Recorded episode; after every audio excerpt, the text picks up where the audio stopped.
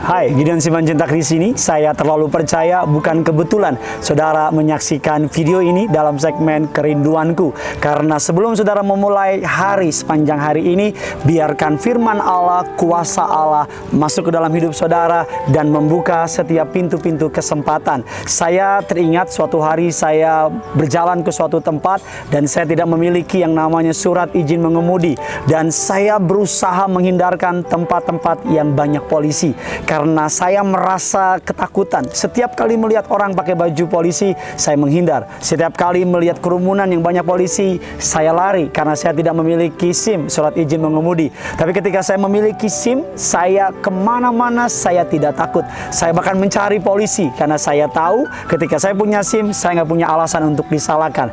Hal yang sama terjadi dalam kehidupan orang percaya. Ketika kita punya iman, maka tidak ada hal yang perlu kita takuti. Karena Alkitab mengatakan dalam Ibrani 11 ayat yang pertama, iman adalah dasar dari segala sesuatu. Iman adalah bukti dari segala sesuatu yang tidak kita lihat. Alkitab mengatakan tanpa iman tidak mungkin orang berkenan kepada Allah. Firman Tuhan mengatakan dalam Ibrani 11 ayat yang ke-6, tetapi tanpa iman tidak mungkin orang berkenan kepada Allah sebab barang siapa berpaling kepada Allah, ia harus percaya bahwa Allah ada dan bahwa Allah memberi upah kepada orang-orang yang sungguh-sungguh mencari Dia. Sebelum saudara memulai hari ini, mari biar imanmu bertumbuh di dalam Tuhan. Karena ketika orang memiliki iman, iman adalah password to unlock door of heaven. Karena imanlah kita dapat membuka pintu-pintu kerajaan surga. Mata uang kerajaan surga bukan dolar, mata uang kerajaan surga bukan emas, tapi mata uang kerajaan surga adalah iman. Ketika saudara memiliki iman, tidak ada yang mustahil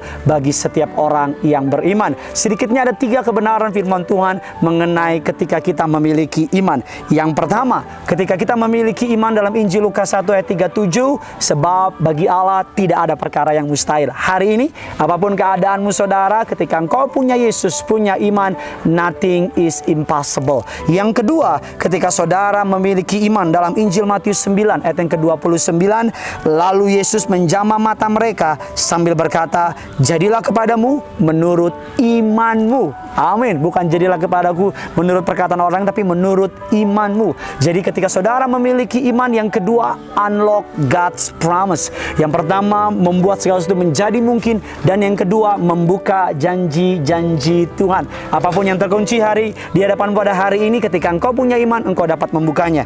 Dan yang ketiga dalam Efesus 3 ayat yang ke-20 bagi dialah yang dapat melakukan jauh lebih banyak daripada yang kita doakan atau pikirkan seperti yang ternyata dari kuasa yang bekerja di dalam kita. Yang ketiga, ketika kita memiliki iman, kita memiliki power to do extraordinary things. Tiga hal ketika kita memiliki iman. Yang pertama, nothing is impossible for setiap kita yang percaya. Yang kedua, orang yang memiliki iman unlock God promises. Dan yang ketiga, orang yang memiliki iman have power to do extraordinary things. Bagikan kabar baik ini kepada setiap teman-teman saudara, kepada saudara yang saudara kenal. Saya percaya sama seperti firman ini memberkati saudara dan saya, pasti juga akan memberkati setiap orang-orang yang lainnya.